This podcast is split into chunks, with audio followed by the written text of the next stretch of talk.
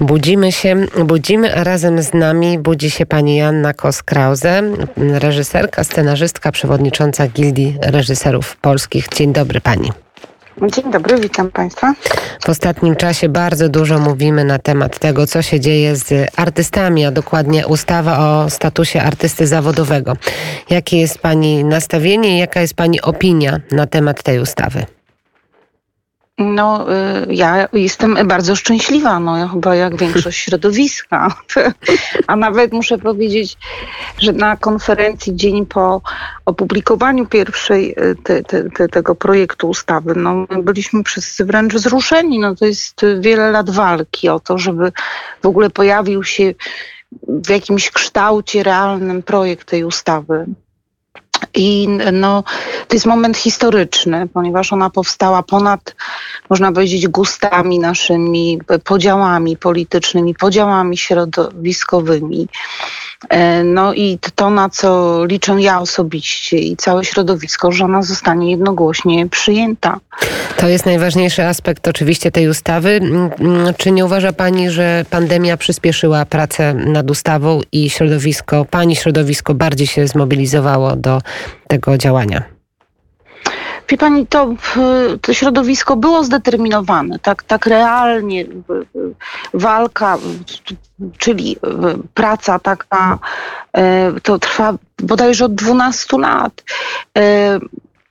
Pandemia, można powiedzieć, tylko jak w, skocze, w soczewce po prostu zebrała, uwypukliła wszystkie te problemy, tak, które systemowo, w zasadzie od 1989 roku, e, kiedy już naprawdę powinny być rozwiązane, bo kiedy e, przyszła, no, że tak powiem, przemiana i polityczna, i potem transformacja ekonomiczna, no, zapomniano o grupie zawodowej, no, która gdzieś tworzy, no, powiedziała, te wartości podstawowe też, tak? Te, kultura jednak ma olbrzymią rolę społeczną i teraz tym bardziej widać to w takim społeczeństwie kryzysu, właśnie jak pandemia, bo czy w takim też społeczeństwie które jest, przechodzi kolejną transformację od tego społeczeństwa analogowego do cyfrowego. No i to, to wszystko razem no, na pewno zdeterminowało no, środowisko bardzo, a w tej chwili to już jest desperacja. No, ostatni rok, półtora,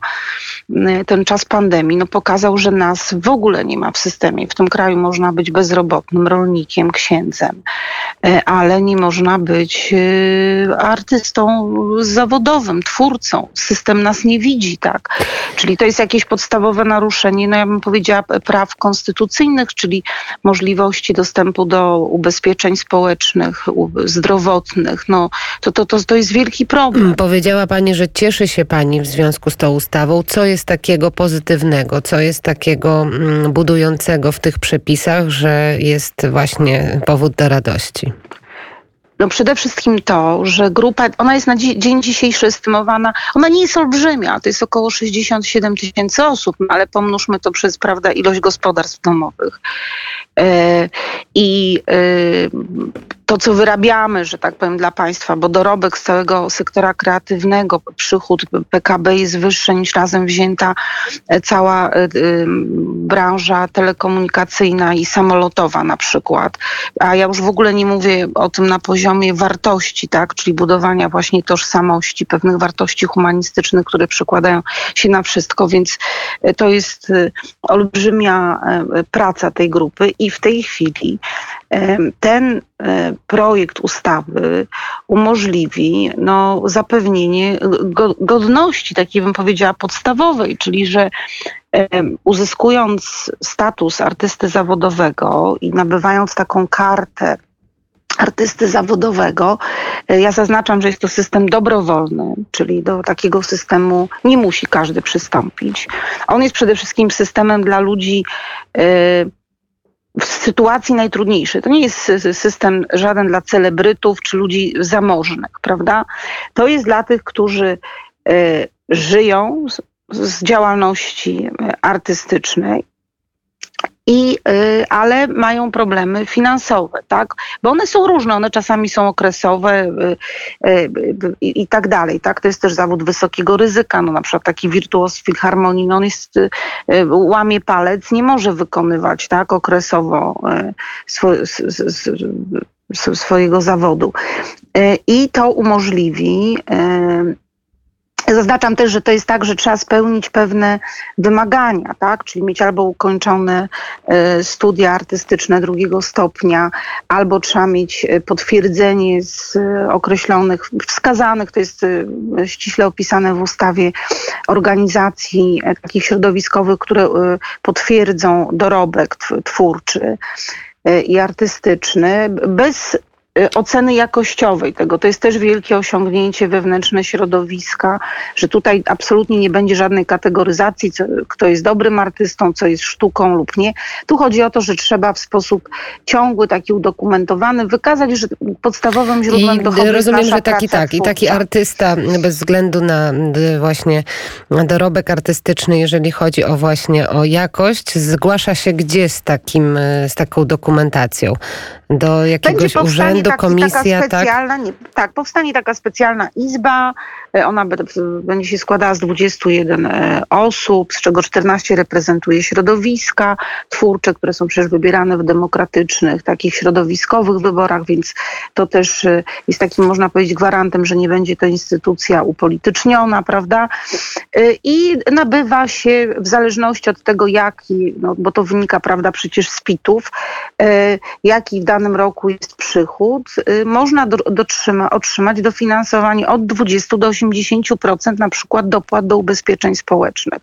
No bo chodzi o to, żebyśmy nie mieli tej olbrzymiej rzeszy ludzi, czy wręcz szarej strefy, ludzi, którzy w ogóle nie mają wypracowanych emerytur formalnie, prawda, pracując ciężko całe życie. No, e, to, to nie każdy, kto nie sprzedaje za miliony jest leniem i to, przecież to bardzo często dotyczy wybitnych, pracowitych e, ludzi, tak, tylko no, sami wiemy, jak wygląda historia cywilizacji i kultury. No nieraz pieniądze i sława przychodzą po śmierci. Rozumiem, to ale... jest tak, to jest ten kierunek, ale jeszcze e, mam pytanie odnośnie tego, że trochę dyskusja na temat e, tej ustawy zeszła na taki, pro, na, na, taki tor związany z jakimiś takimi szczegółami, prawda? Bo um, zaczęliśmy mówić e, o um, podatkach, zaczęliśmy mówić o nowych opłatach, zaczęliśmy mówić o tym, co się będzie działo, jeżeli chodzi o, jeżeli chodzi o opłatę reprograficzną. Co to będzie w ogóle tak, oznaczało tak, i dlaczego ważne. to ma znaczenie, tak? Co jest ważne, że ten system, y, to jak mówię, on powstał, jest o tyle unikalny i to jest historyczna chwila i moment, że środowisko postanowiło y, pieniędzmi, taką opłatą, tak zwaną opłatą reprograficzną, która zresztą istnieje, tylko dotyczy y, analogowych, można powiedzieć, takich nośników jak papier, prawda, CD, VHS-y ta opłata będzie wpływała i ona będzie dzielona. I jedna rzecz to są ubezpieczenia, te takie właśnie dopłaty i cały socjalny system, a drugi będzie dzielony pomiędzy twórców. I ci też najbardziej zamożni postanowili podzielić się z częścią tych, którzy są w sytuacji najtrudniejszej. I cała dojrzałość społeczna i pomysł w ogóle tej ustawy polega też między innymi na tym, żeby odciążyć budżet państwa, a zapłacić za to powinni producenci, importerzy urządzeń elektronicznych yy, i elektronicznych elektrycznych, tak, którzy jeszcze jak pokazała to pandemia, czy na przykład producenci smartfonów, tabletów y, i którzy co jest bardzo ważne, płacą na świecie i w całej Europie. Polska jest jedynym krajem w Europie, który nie ma opłaty od smartfonów. I Żeby... chyba nie będziemy mieli tej opłaty od smartfonów, prawda? Bo z tego, co no, słyszałam, w tej chwili są wykreślone Selin, smartfony tak, z ustawy. Smartfony są wykreślone. Mhm. Jesteśmy tym bardzo zaskoczeni. I tu, no, tu jest bardzo poważne pytanie, również do Państwa dziennikarzy. Drążcie temat, dlaczego te smartfony są wykreślone, dlaczego Polska jest jedynym krajem w Europie i te same marki płacą to. Estymacje są takie, że na braku tej opłaty polski budżet państwa traci 300-400 milionów rocznie. My nie mamy tej listy zaktualizowanych tych nośników, czyli dopisanych właśnie e, takich i ci wielcy potentaci, giganci nie płacą tego e, od 12 lat. I przecież jakiego rzędu to są pieniądze? No to jest naruszenie polskiej racji stanu. I tutaj musimy I... postawić kropkę, bo czas nas goni. Będziemy się o to pytać. Bardzo dziękuję. Joanna Koskrause, przewodnicząca Gildii Reżyserów Polskich, reżyserka, scenarzystka. Bardzo dziękuję i do usłyszenia, dziękuję mam nadzieję. serdecznie. Wszystkiego dobrego, a ja liczę, że ustawa będzie przegłosowana jednogłośnie, podobnie jak całe środowisko. Dziękuję bardzo, pozdrawiamy serdecznie. 8.59 jest na naszych zegarach. Magdalena Uchaniuk, Mikołaj Poruszek, Helena Gruszewska to dzisiejszy poranek wnet. Zapraszam jutro na audycję 4 po pierwszej, a teraz już wiadomości pięknego, słonecznego, letniego dnia.